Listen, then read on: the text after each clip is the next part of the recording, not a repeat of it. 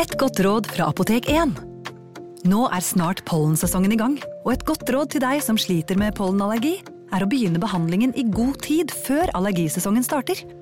Da får du nemlig enda bedre effekt av legemidlene, og så blir ikke våren din helt ødelagt. Kom innom og få råd på ditt nærmeste Apotek 1, eller chat med oss på apotek1.no. Apotek 1 vår kunnskap, din trygghet.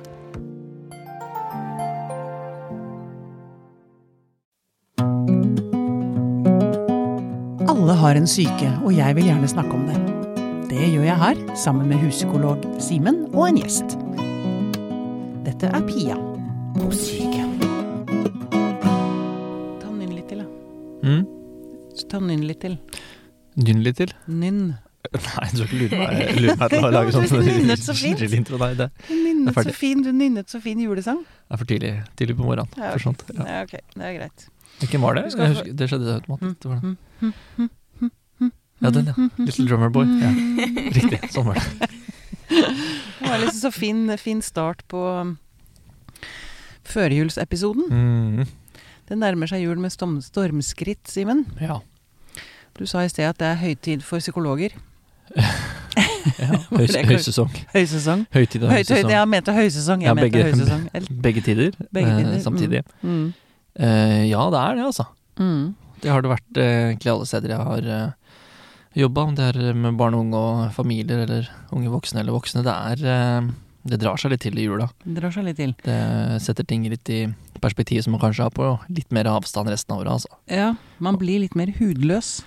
Man blir mer hudløs, og så er det så uh, Er det jo et press rundt oss i omgivelsene til at det skal være veldig fint og koselig. Mm. Det, man føler på en, en forventning rundt det. Ja. Selv om jeg opplever jo at man har snakket mer og mer uh, de siste årene om uh, de som også har det tøft, og kanskje syns det er den kjipeste tida i året. Ja Og det er jo eh, derfor vi Jeg har jo lyst til å lage en episode eller to før jul som også favner de som kanskje syns at dette er litt tøft. Det begynner å bli en slags tradisjon. Det gjør, gjør det. Ja. Det gjør det. Fint. Um, eh, vi har fått besøk av kvinnen som står bak årets fineste julefortelling. Velkommen til oss, Ingvild Rishøi. Tusen takk. Stargate, en julefortelling. Denne tror jeg må bli sånn tradisjon at eh, jeg må lese den hvert år før jul. Ja, det håper jeg. Det er en veldig vakker Jeg har lyst til å si fabel. Ja. Den, den er litt sånn fabelaktig. Den er eh, helt det var helt annerledes når jeg skjønte at den skulle hete en julefortelling. Da følte jeg at det åpna opp for en annen type symbolsk fortelling. Tidligere har jeg skrevet noveller som Mm. er ganske sånn realistiske, men eh, den er litt fabelaktig, den der. Mm. Veldig, eh, veldig sår og veldig vakker. Anbefales, jeg må bare si det. Og du ble til og med Du ble jo nominert til Brageprisen også. Eh, Stas. Ja. Og utgitt i Den ble stømtoversatt, oversatt. det gikk veldig fort. Oversatt til svensk og dansk, og utgitt der også samtidig. Mm. Hvordan er den blitt mottatt der? Den, har, eh, den har ikke kommet ennå. Så den får vi se. Den, de fikk jo så dårlig tid, vet du. Så Ja, men de må få den ut før jul. ja da. Den, den svenske kom egentlig nå helt på tampen av forrige uke, og så den danske tror jeg kommer sånn kanskje i dag omtrent. Ja, Mm. ok, så spennende. Mm. Altså, bare snakke litt grann om em, denne boka. Den handler om Ronja. Det er Ronja som forteller. Og hun har en storesøster som heter Melissa, som er 16. Og disse to uh, bor på Tøyen og har en uh, rusavhengig far. Ja. Så de får ikke den omsorgen de trenger. Nei. Nei. Du er opptatt av de som er litt utafor samfunnet. De som er litt sånn i undergrunnen. De som sliter litt, som er litt desperate. Ja, altså, det tror folk om meg. ok. Men det Det var et politisk prosjekt. ja, ja, det er det mange som tror. Og, Ja, ja. og særlig denne boka ble ganske sånn entydig mottatt som et, eh, en, en klasseroman. Mm. Og et kampskrift var det noen som skrev, og jeg er veldig glad for det, altså. Mm. Jeg, det trengs kampskrift, da. Eh, men utgangspunktet mitt når jeg skriver, er egentlig ingenting. Jeg har ikke noe budskap, ingen plan. Så jeg bare skriver og fantaserer, og det minner meg om å egentlig være et barn og leke. Hvor, ja. hvor jeg bare uh, setter meg i en sånn tilstand hvor alt, alt kan skje inni hodet, og så skriver jeg i vei det som skjer inni hodet, og så sa mor det, og da kom far. Sånn som barn leker når de leker rollelek. Ja. Og så, lenge etter det, så ser jeg hva det blir. Oh, ja. Sånn at når jeg blir spurt om sånn budskap, eller du er opptatt av det, så føler jeg egentlig at jeg ljuger hvis jeg sier ja, fordi at jeg har ingen plan. Nei. Og jeg tenker at et budskap, det må man på en måte ha der på forhånd. Men Mm. da sitter jeg bare og koser meg og leker. Ja. Mm. Men, men du har mange karakterer som eh, eh, ikke er av de mest vellykkede, for å si det sånn, da. Jeg liker dem, jeg. Men, men, men eh, de er ikke noe mindre vellykka enn meg. Men, men jeg tenker Jeg ser jo etter at jeg har skrevet dette som jeg kaller for råstoff, som ble skrevet i en sånn helt fri fantasi, så, så kommer en fase hvor jeg eh, tar en print av alt sammen. Jeg har en sånn følelse at inni her er det en historie. Mm. Så tar jeg en print av alt sammen, legger det utover gulvet, og så ser jeg Leser jeg det, og så ser jeg hvilke biter det er noe i. Hvilke, hvor er det noe noe ja. trøkk. Og da, da er det jo masse som bare, blir kasta med en gang. Ja. Og så stokker jeg hele greia om, fordi den, den der, det råstoffet mitt da er ikke noe historie. Og da kommer det jo fram biter som ofte da handler om folk som har noen noen eh, problemer. Det er jo der det er noe trøkk. Og Ja. ofte så ser jeg også at det kommer fram ting som betyr noe for meg. Mm. Eh, at, at det som ikke har noe Som ikke er noen følelser jeg har opplevd, eller em, ikke Ikke er noe ikke er noe jeg er noe opptatt av, da. Det, det har ikke noe trøkk. Mm. Men, men det utvalget kommer lenge etter at det er skrevet, da. Ja. Men um, du har også erfaring med å være pårørende til uh, rusmisbruker. Ja. E, eventuelt. Jeg skal ikke grave i det.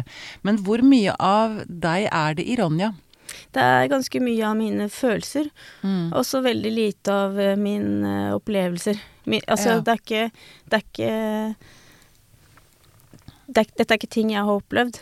Scen, scenene har ikke jeg opplevd. Nei. Men, men det, det var også det jeg så da, da jeg la dette råstoffet utover gulvet og gikk med saksen og teipen min og krabba rundt og klippa.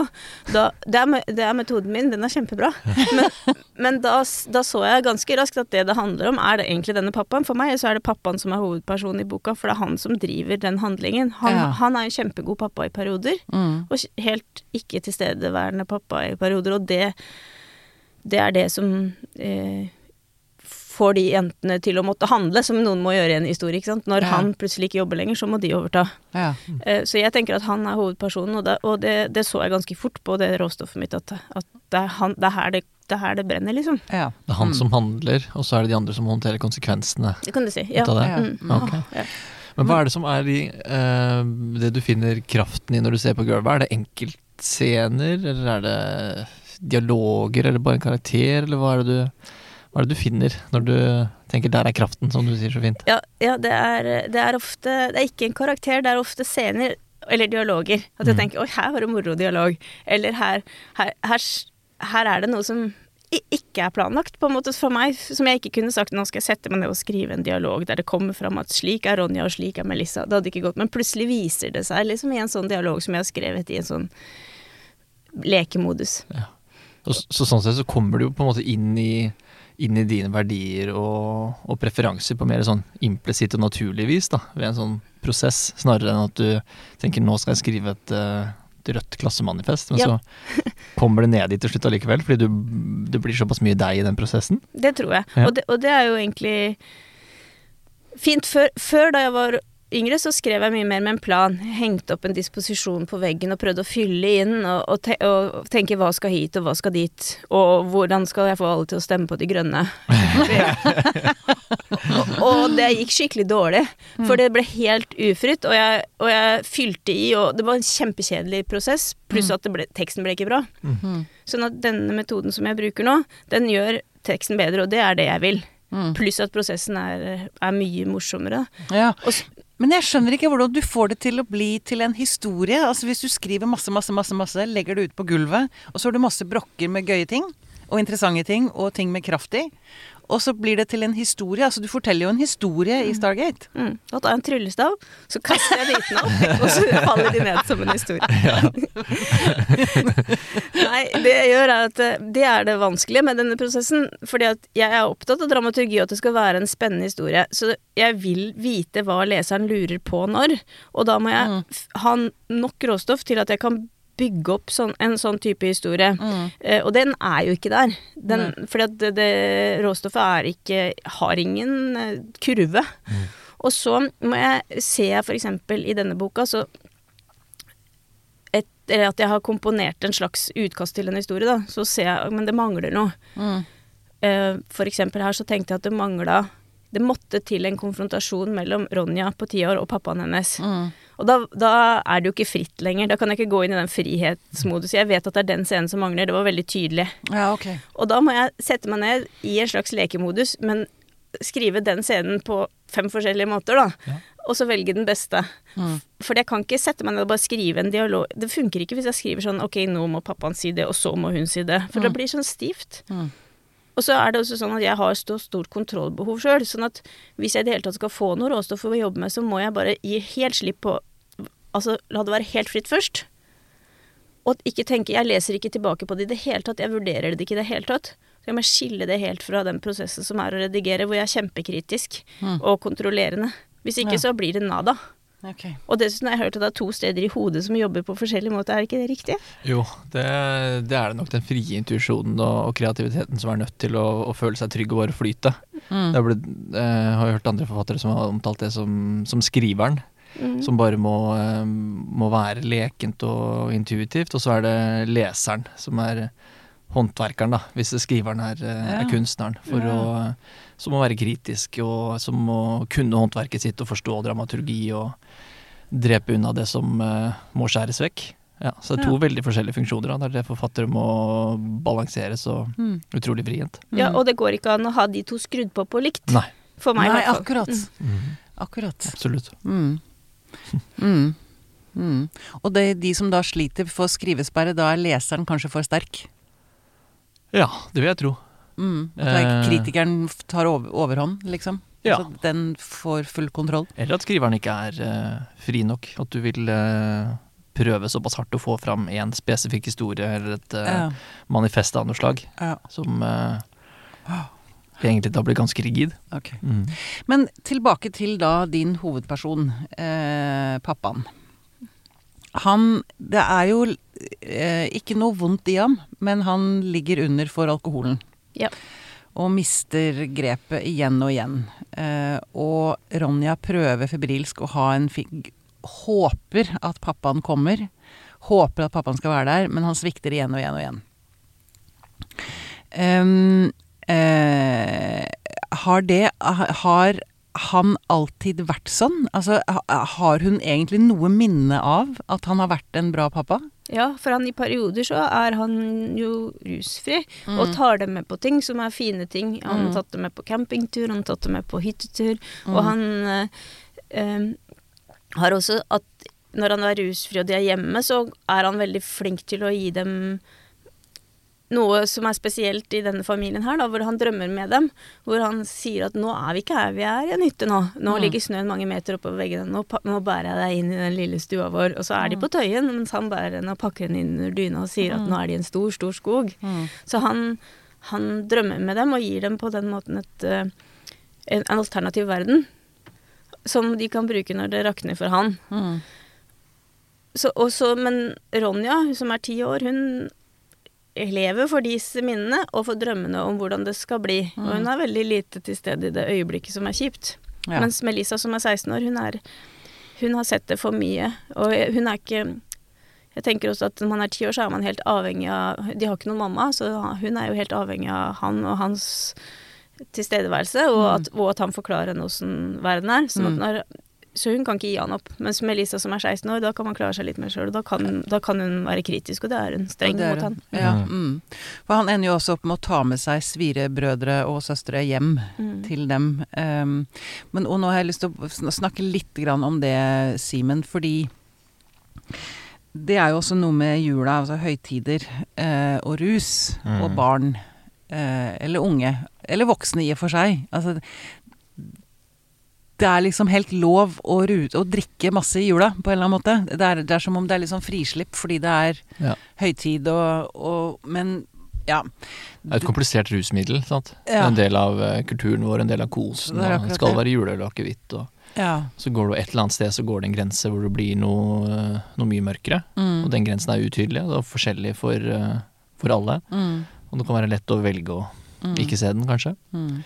Det er jo en, en lei del av jula, altså. Ja. Ja. Og det er nok en del barn som har ganske vonde minner av at pappa eller mamma ble kanon på julaften, liksom. Og at Ja, det er mye, mye utrygghet og sånn. Ja, og vi, vi veit jo at, uh, at barn uh, ser sånne små endringer i eh, foreldres eh, ansikt mye raskere enn vi voksne tror selv. De er så inntuna, ikke sant, fra Ja. evolusjonens side også, tenker jeg. Mm. Til å se når, når blikket blir litt slørete, eller du snakker på en litt annen måte, eller Mm. reaksjonene er ikke akkurat de samme som de, som de var eh, for fem-seks timer siden, da. Mm. Og det ser man jo. Og det er det jo mange som lever ok med, de som har en helt trygg og ukomplisert tilknytning ellers. Mm. Men som eh, mange, og med rette, da, syns jeg er veldig skremmende. Som gjør at man eh, gruer seg til jul, for Ja, eksempel. Mm. Da er det jo også Da er man jo gjerne hjemme, da, sant. Hele den eh, stille uka, i Mm. anførselstegn. Mm. Det er lite annet som skjer, alle andre er med, med sine familieforpliktelser. Mm. Så da er du liksom litt låst inne der, da. Mm. Kan det føles for noen. Mm. Mm. Men for de fleste så går det jo, går det jo greit, da. Går det greit? Ja. ja. Heldigvis for eh, Ronja eh, så har hun Det er et par andre voksne mennesker rundt henne. Blant annet naboen. Ah, Hva heter han? Aronsen? Ja. Nydelig figur. Ja. Det var noe, en, en, som, en snekker jeg kjenner som leste boka, som sa 'så heldig for han at du fant han opp'. Og da ble jeg så stolt. Det var akkurat som mamma er levende. Ja, det var- jeg var kult. Ja, ja, ja. Men fordi det er jo noe når, når omsorgspersonene svikter, eh, så har, er det jeg håper å si, to muligheter, eller tre. Det ene er at man går under. Andre er at systemet fanger en opp. Men den tredje muligheten, som jo kanskje jeg syns er den aller vakreste, er jo at det er andre voksne som forstår hva som skjer, og som kan bidra. Som eh, stiller opp, og som er der, og som gjør det de kan for å hegne om dette barnet. Som eh, ja, mister, som, som ikke har den tryggheten de skulle hatt, da. Fortell litt om, om eh, Aronsen. Um, hva, hva, er det, hva er det han ser? Hva er det han legger merke til? Altså han, han virker som en ganske observant fyr. Ja, Han, han, catcher en, det ganske fort. han er en gammel revisor, så Ja. han er jo Han ser detaljene. Og så er han Han har alltid vært streng, sånn at Ronja og Melissa har egentlig vært redd for han, for han banker på når det er for mye fest, og sier fra at nå ringer jeg politiet, men han ringer ikke politiet. Det liker de han for. Mm. Um, og han følger, han følger med på pappaen, og syns at dette går over stokk og stein. Men han er jo ikke en de egentlig har stort stolt på, før de må stole på han omtrent midt i denne boka, hvor, de, hvor det er Lucia-feiring, og eh, faren, er, faren er på Stargate, puben, og eh, Ronja har en veldig krøllete Lucia-drakt, og hun Melissa, storesøsteren, skal ut og selge juletrær, som hun må. Mm. Og så sier hun 'gå til Aronsen og få strøket den Lucia-drakta'. Er det noen som har strykejern, så er det han. Ja. Og så går Ronja og, og får gjort det, da. Ja. Og så kommer Ronja på skolen og Lucia-feiringen, og står og håper og håper og håper at pappaen skal dukke opp. Ja. Nå skal Ingvild få lov til å lese fra denne Lucia-feiringen. Og vaktmesteren begynte å lyse på publikum. Da måtte jeg jo se igjen. Jeg ville ikke, men sånn er øynene mine, det er umulig å stoppe dem.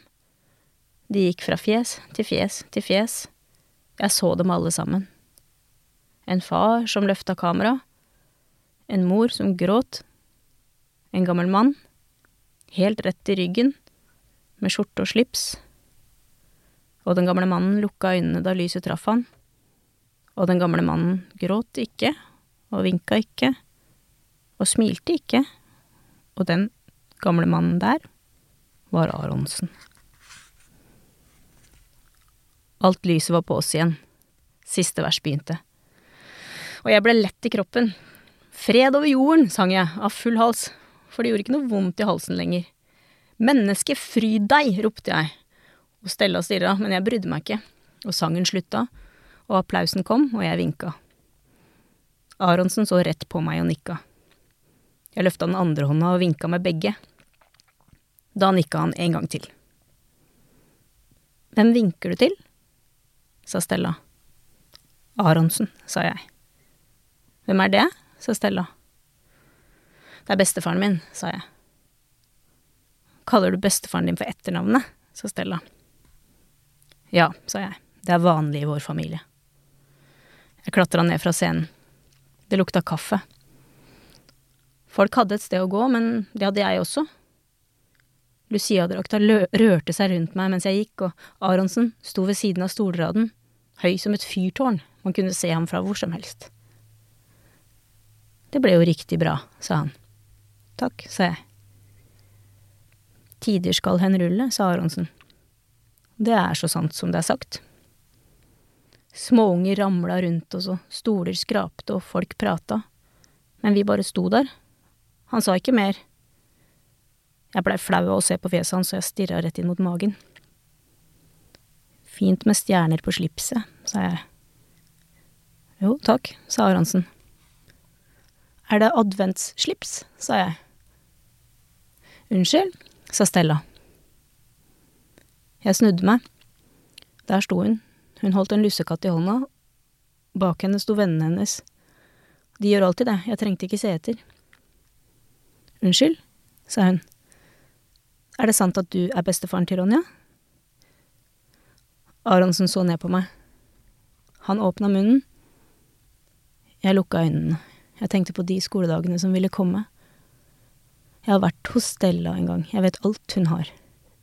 Trehus, to verandaer, tre katter. Og navnet hennes betyr stjerne, og det sier hun hele tida. Og hele tida har hun noen med seg hjem. Mora hennes henter henne klokka to hver dag, Tvillingene ligger der med hver sin kosekanin, og alle vil kikke ned i barnevogna. Hvorfor kunne ikke hun la meg ha en bestefar når hun har alt det der? Men uansett, hvorfor hadde jeg ljugd? Jeg trakk pusten. Jeg tenkte please, please, please, og kikka ut mellom øyenvippene, men Aronsen så ikke på meg lenger. Han dro i slipset sitt, rett under knuten. Hvorfor spør du? sa han. For Ronja sa det, sa Stella. Men da er det liksom så rart at vi aldri har hørt om deg. Sånn å forstå, sa Aronsen. Og du ville vite sannheten? Gjerne, sa Stella. Hun smilte. Det kan, det kan være en grunn til at hun ikke forteller deg alt, sa Aronsen. hm, sa Stella. Kanskje barnebarnet mitt foretrekker å snakke med noen andre, sa Aronsen. Stella åpna munnen, og jeg kjente at jeg elska Aronsen. Jeg elska skjorta hans og slipset og den høye høyden og alle lapper han hadde hengt opp, alle de gangene han hadde banka på. Jeg skulle ønske han var rektor, eller Gud. Jeg skulle ønske han var formann i borettslaget. Var det flere spørsmål, sa Aronsen. Eller er vi ferdige her? Stella sto der, med åpen munn og lussekatten rett ned. Jeg tror vi er ferdige her, sa jeg. Aronsen nikka. Kom, barnebarn, sa han. Jeg trenger en kaffekopp. Nå kjente jeg at jeg Nå føltes det som om jeg lå krølla opp i en sofakrok foran peisen under dyna og var liten jente. Det var veldig eh, Åh, nå fikk jeg skikkelig god julestemning, egentlig. Mm. Eller god stemning i kroppen. Um, der ser man altså hva et annet voksen menneske kan bidra med til et barn. Du, jeg vet også du er uh, veldig opptatt av uh, fantasiverden til barna, Ingvild. Hvor viktig den er. Hvor mye de kan, den kan redde et barn ut av uh, vonde følelser. Ja. Du, du, har selvfølgelig hatt denne fantasien selv, kanskje? Jeg har mye fantasi. mm. Mm. Hva er det du tenker fantasi Hva, hva er det hva, Hvorfor er den så viktig for barn? Jeg tror at alle barn fantaserer jo. Alle barn leker, og Mm. er, er i en annen verden når de leker. Og på den måten så får de jo vært sånn som jeg Egentlig sånn som jeg er når jeg skriver, og da er jeg en stund i en annen verden. Og nå er det sånn her mindfulness-trend, hvor du skal være til stede i denne verden hele tiden. Ja. Og den takler ikke jeg særlig bra. For at jeg liker å være i en sånn drømmeverden, hvor jeg ikke er i vår verden. Og så, og så er jo alternativet til den drømmeverden, som også Ronja er i noen ganger, og som jeg også er i noen ganger, som er en sånn bekymringsverden hvor fantasiene bare er alt som kan gå galt. Det er jo ikke noe behagelig, men det er vel ikke noe du som er psykologen. Det er vel ikke noe galt med å drømme seg bort til et bedre sted? Tvert imot. Så lenge du har en, en fot i virkeligheten også. Men det er jo ikke det vi snakker om her. Klart den fantasien er, eh, er livsviktig for, eh, for barn, og for barns eh, utvikling. Og eh, det er morsomt hvordan du peker på det som en sånn en motsetning til det å være mindful og til stede i det fysiske her og nå, i pusten din og stolen og omgivelsene rundt. og Mm. vi, det har blitt undersolgt litt, kanskje, viktigheten av å kunne være til stede i eget sinn også, og gjøre det sinnet til et, til et rikt sted. Mm. Det er helt grunnleggende for, for barns sunne utvikling også, til selvtrøst. Og jeg tror det er viktig å, å understøtte da, at man, eh, man snakker om det som noe viktig, at voksne er nysgjerrig på det, fortsetter å underbygge, sånn som til og med denne faren får til. Et eller annet han også forstår ved det. Han lager disse omgivelsene ut av eh, fantasien også på den måten styrker jo døtrene sine sin evne til å til å lage disse eventyrene for seg sjøl, da. Men så forstår jeg jo at eh, det er fort gjort å bli mer tykkhuda i møte med verdenen, og en kynisme som vokser fram. En 16-åring versus en 10-åring, for eksempel. Mm. Hvor uh, fantasiverdenen er noe mindre magisk, da, og mer, eh, mer angstpreget, kanskje. Ja, eller, eller også hemmende for forandring kan det jo være, hvis du hele tida, sånn som Ronja gjør, da, at hun hele tiden tenker ja, men pappa, han er snill, men pappa blir bra, mens, mens Melissa tenker hvem skal betale disse regningene? Nettopp. Eh, Mm. og kanskje, og kanskje ikke bare det heller, men at hvis du Hvis du hele tida bare drømmer om at noe skal ordne seg ved hjelp av et, magi eller en Magisk ja, tenkning. Ja, Ja. Så, så, så går man jo ikke de skrittene Ikke at Ronja kan gjøre det, hun kan jo ikke få faren til å forandre seg. Men Melissa har vel mer et håp om å liksom redde hverdagen, da. Mm. Ja. Sånn holder jo på ute i voksenlivet også. Det er jo også et begrep fra, fra terapirommet, det med å få tak i noe som man kan kalle for magisk tenkning, som Ja. er mer ubevisst, da. Mm. At uh, hvis jeg gjør sånn og sånn, så får jeg uh, unngjort noe som skjedde i fortiden, f.eks. eksempel Mm. Da får jeg tilbake den personen jeg tapte. Og det er ikke sånn eksplisitte fantasier uh, som regel, men hvis man klarer å holde litt fast i det og, og pirke litt borti det, så ser man at her er det faktisk ganske mye magi i den tankningen her også, eller overtro om du vil, da. Mm. Ja, ja. jeg tenker mye sånn. Ja, ja, men jeg tenker det er jo en måte å finne tilbake til barn i seg, og den uskylden og den eh, opplevelsen av at verden er god, da. Jeg tenker på disse jule... Altså, eller 'Somewhere Over the Rainbow'. Det er jo en klassisk sånn fantasi eh, Et tankeeksperiment, ikke sant. Hun flykter over regnbuen. Men jeg tenker også på den 'When You Wish Upon a Star'. Your dreams come true, liksom. Altså, det er jo noe med å, å våge å, å tro på det barnet du en gang var, da, hvor alt var mulig på en eller annen måte. Mm. Jeg tenker liksom at det Ja. Men det er også en annen figur som du har, øh, denne vaktmesteren, Mm. som også er en fin figur. Ja. Vaktmesteren på skolen til Ronja og og Melissa da hun gikk på barneskolen, som Mm. står utenfor porten og røyker i storfri, og da lar han Ronja stå ved siden av seg, og han gir henne også en del av det hun trenger, Mm. som er børek. Og litt eh, og, og litt uh, forklaring. Han sier til henne han, De ser faren hennes en gang komme, og da sier han 'Kong alkohol er en hard herre'. Og det er det han sier om den saken, og det hjelper henne på en måte, da. Ja, ja. Mm.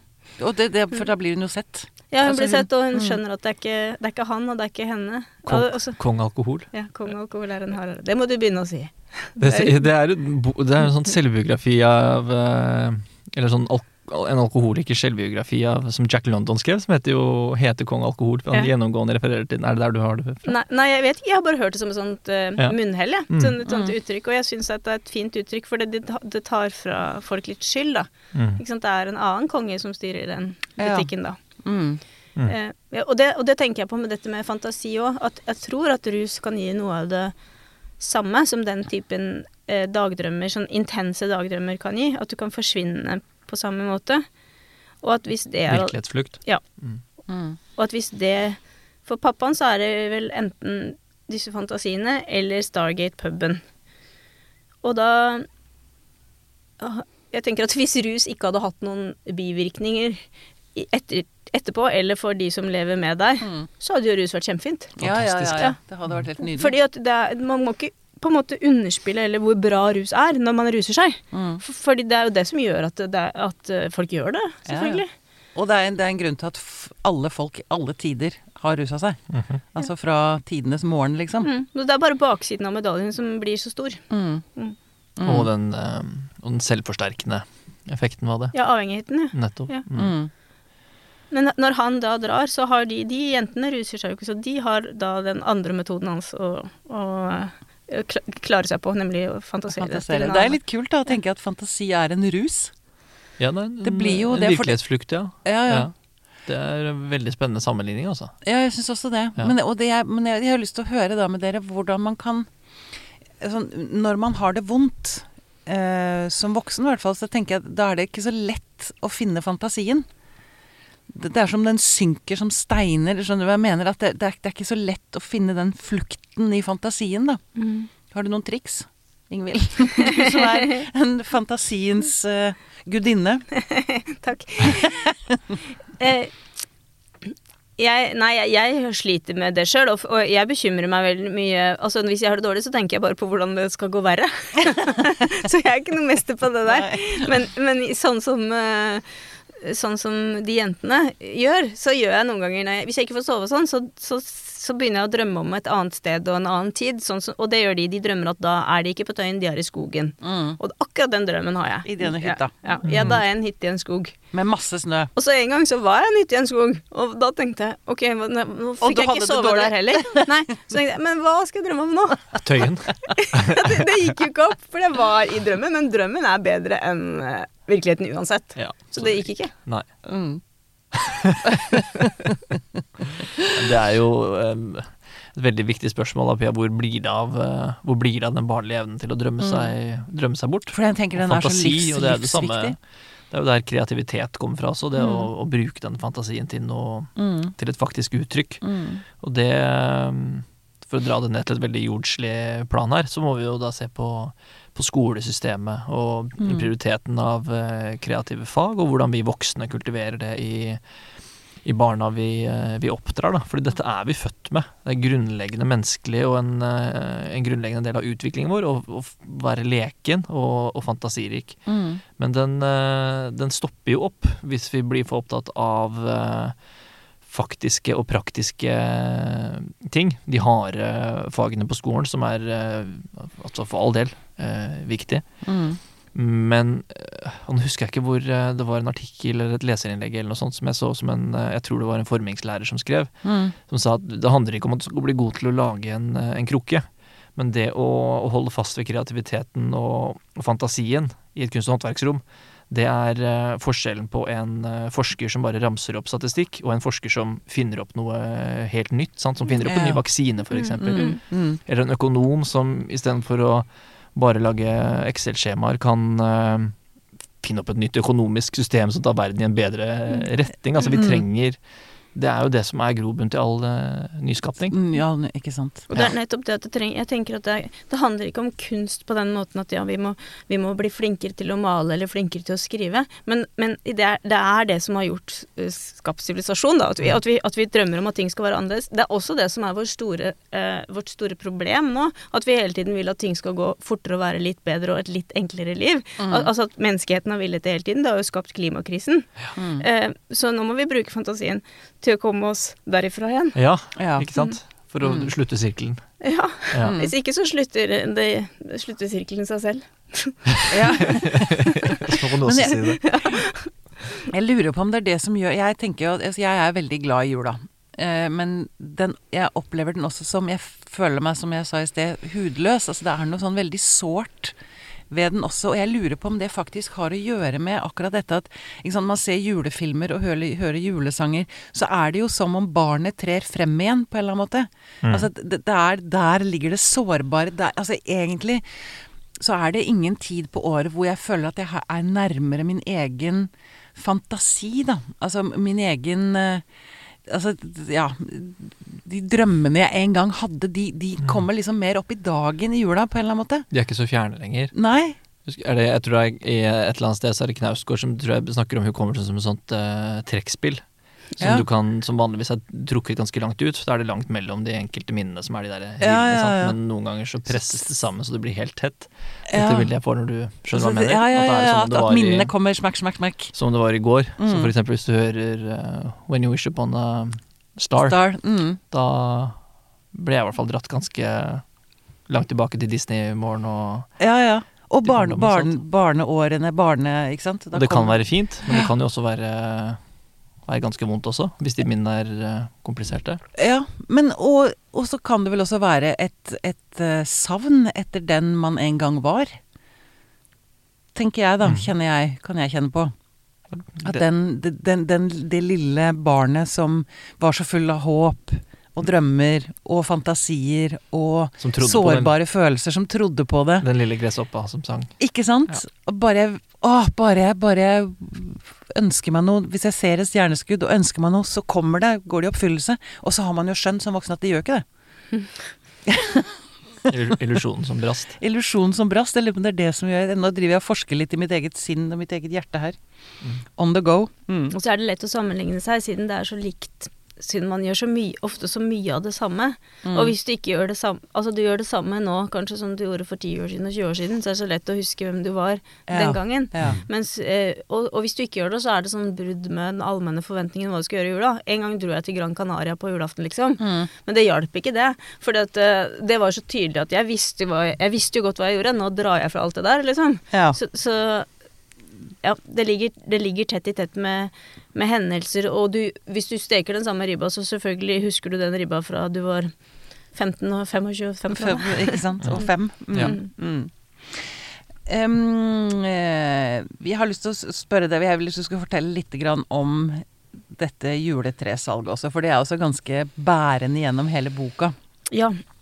For faren får jobb som juletreselger, Mhm. men klarer selvfølgelig ikke å følge, fylle den rollen. Nei.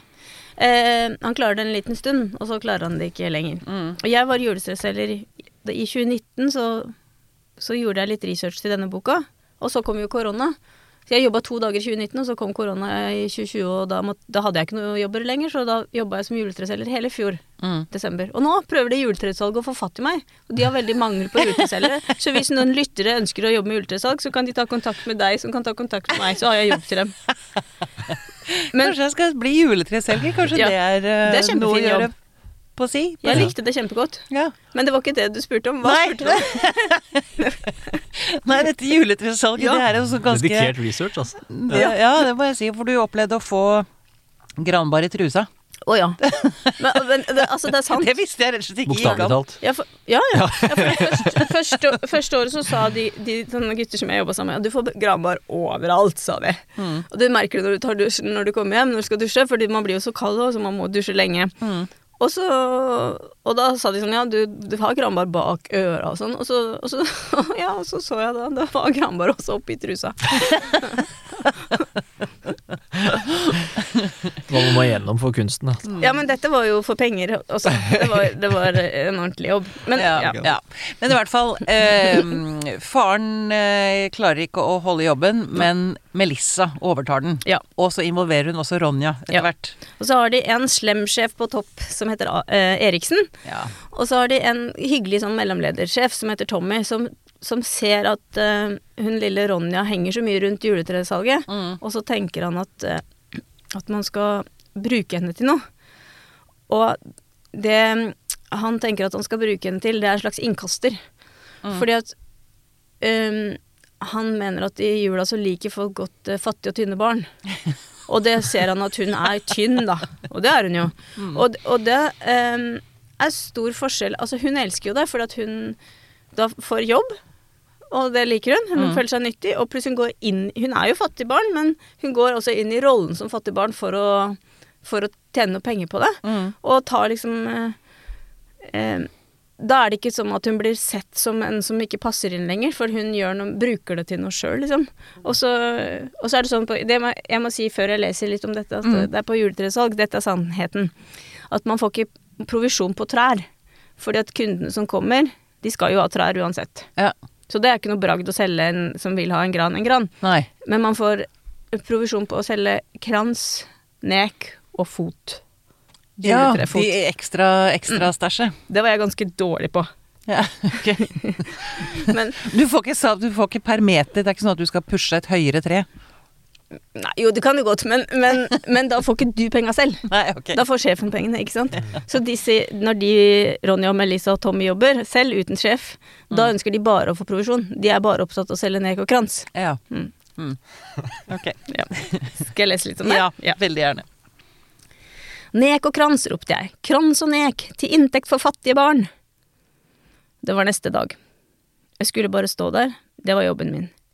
Jeg skulle stå på fortauet med et julenek i armene og få kundene inn til pyntegrønten. Jeg skulle bare se tynn og snill og fattig ut, og så skulle Tommy gi oss halve provisjonen. Og Melissa sa at vi bare kunne glemme at folk var så dumme, men hun tok feil. For folk stoppa foran meg hele tida. De stoppa og smilte og la hodet på skrå og fant fram lommeboka. Det var gamle koner. Det var unge damer. De hadde votter og vesker og frostrøyk fra munnen. Neimen, sa de. Og så sånn godt gammeldags julenek. Og så sånn søt liten jente. Og jeg smilte og nikka og sa kassa er der borte. Så ble det mørkt. Og da kom musseløpene også. Han hadde den fine olajakka på med sauepels i halsen. Han stoppa foran meg. Er du her? sa Musse. Yes, sa jeg. Jeg har fått jobb. Du er alltid heldig, du, sa Musse. Selger du for fattige barn? Yes, sa jeg. Eller litt. Du er alltid snill, du, sa Musse, og så smilte han og sa ses på skolen. Og jeg smilte tilbake, og Musse løp videre. Og jeg visste hva han kom til å si i klasserommet. Makaronia jobber, ass. Og jeg solgte videre, men til slutt ble jeg sliten i beina, og da ropte Melissa at jeg skulle komme inn i brakka. Du er et geni, sa Melissa. Hun hadde tatt kladdeboka mi opp av sekken. Hun satt og regna. 200, sa hun. 400, 600. Makaronia, det er sykt. Og vi går straks tom for pyntegrønt. Tommy kom inn. Han lukka døra bak seg. Jenter, sa han. Tommy, sa Melissa. Ronja er et lite geni. Jenter, sa Tommy og slengte pengebeltet sitt på bordet. Dette er kjempebra. Alt er kjempebra, men det der med fattige barn, jeg veit ikke om det er greit, egentlig. Det var jo hele ideen, sa Melissa. Jeg veit det, sa Tommy. Og det er ok å ljuge litt. Men hun står liksom og roper løgnen utover hele Tøyen. Da sa vi ingenting. Vi selger ikke for fattige barn, sa Tommy. Vi selger for Eriksen Gran. Og det er Herman Eriksen og kona hans som kjører rundt i kabriolet på Hadeland midtvinters. Det er så dust at du kan ikke tro det. Og poenget er, sa Melissa. Ja, poenget er, sa Tommy, at de er ikke fattige. Men vi, sa jeg. Vi hva? sa han. Det svarte jeg ikke på. Han kunne godt få tenke seg om litt. Han så på meg med de lyseblå øynene sine. Du skal jo bli pappa også, sa jeg. Tror du ungen din blir rik? sa Melissa. Og du ville jo ikke kjøpe stellebord brukt, sa jeg. Tommy så på meg, og på Melissa, og på meg igjen. Dere sier noe, sa han.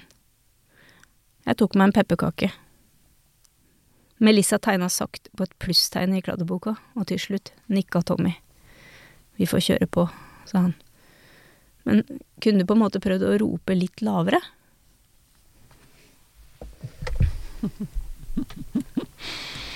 Det er så fine bilder som kommer frem. Det er, det er, det er også en undervurdert det er, det er noe man kan gjøre i jula. Lese høyt for hverandre. Det er en veldig fin aktivitet. Ja. Mye bedre det enn å se på Netflix. Absolutt. Og da er jo eh, historier i kortere format eh, helt perfekt. Ikke sant? Det er jo ikke en eh, så lang roman heller. Nei. Dette er, dette er tips til foreldre. Altså lese denne høyt for barna. Ja. Veldig, veldig fint. Mm.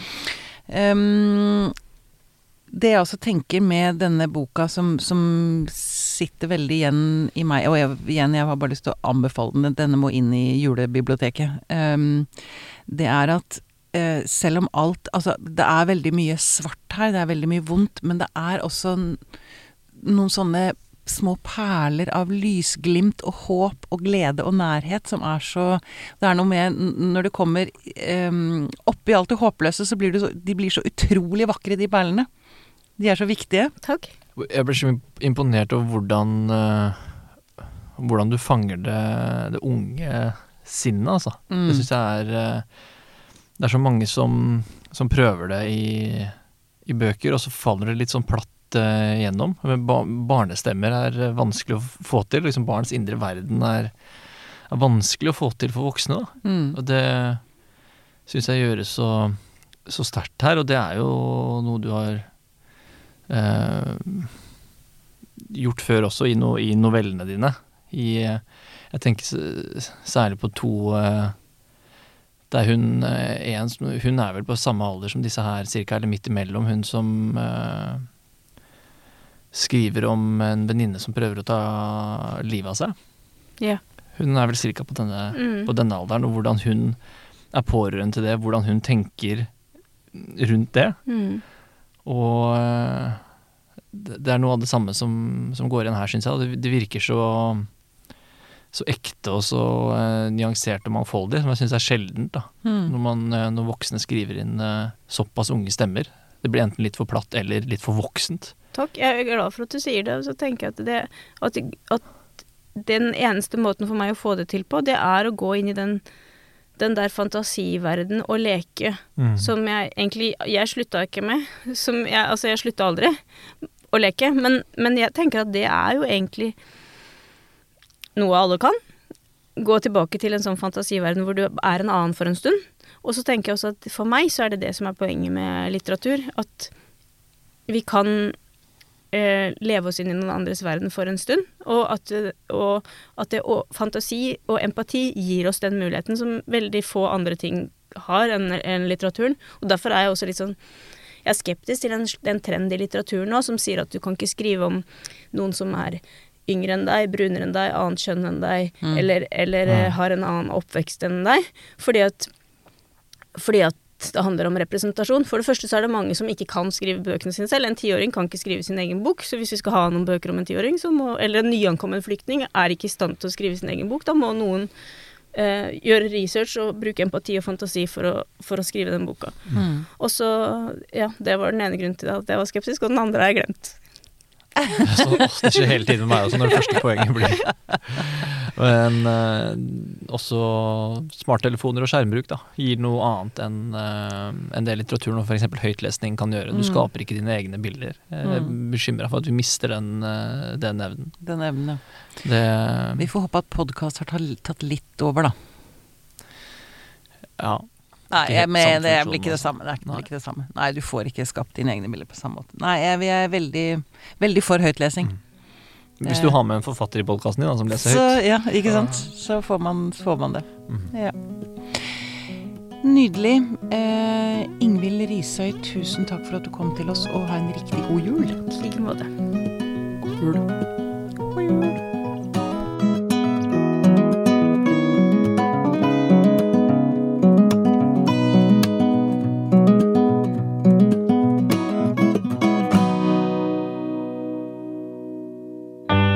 Denne podkasten er produsert av Tid og lyst. Med støtte fra stiftelsen Kåre Berg.